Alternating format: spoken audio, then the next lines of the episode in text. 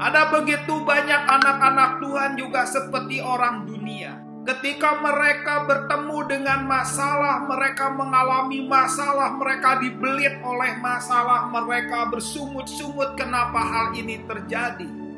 Tetapi lihatlah anak-anak Tuhan yang mengalami momen ilahi. Masalah-masalah yang dihadapinya, dia bisa mengenalinya. Bahwa segala sesuatu itu dirancang oleh Tuhan. Sehingga Tuhan itu bisa membuatnya segala sesuatu indah pada waktunya. Sepertinya masalah-masalah itu seperti mata pahat yang mengenai hidupnya, yang mengenai bagian-bagian yang tidak diperlukan oleh Tuhan, yang mengenai bagian-bagian yang harus dibuang, sampai akhirnya dalam waktunya segala sesuatu mendatangkan kebaikan.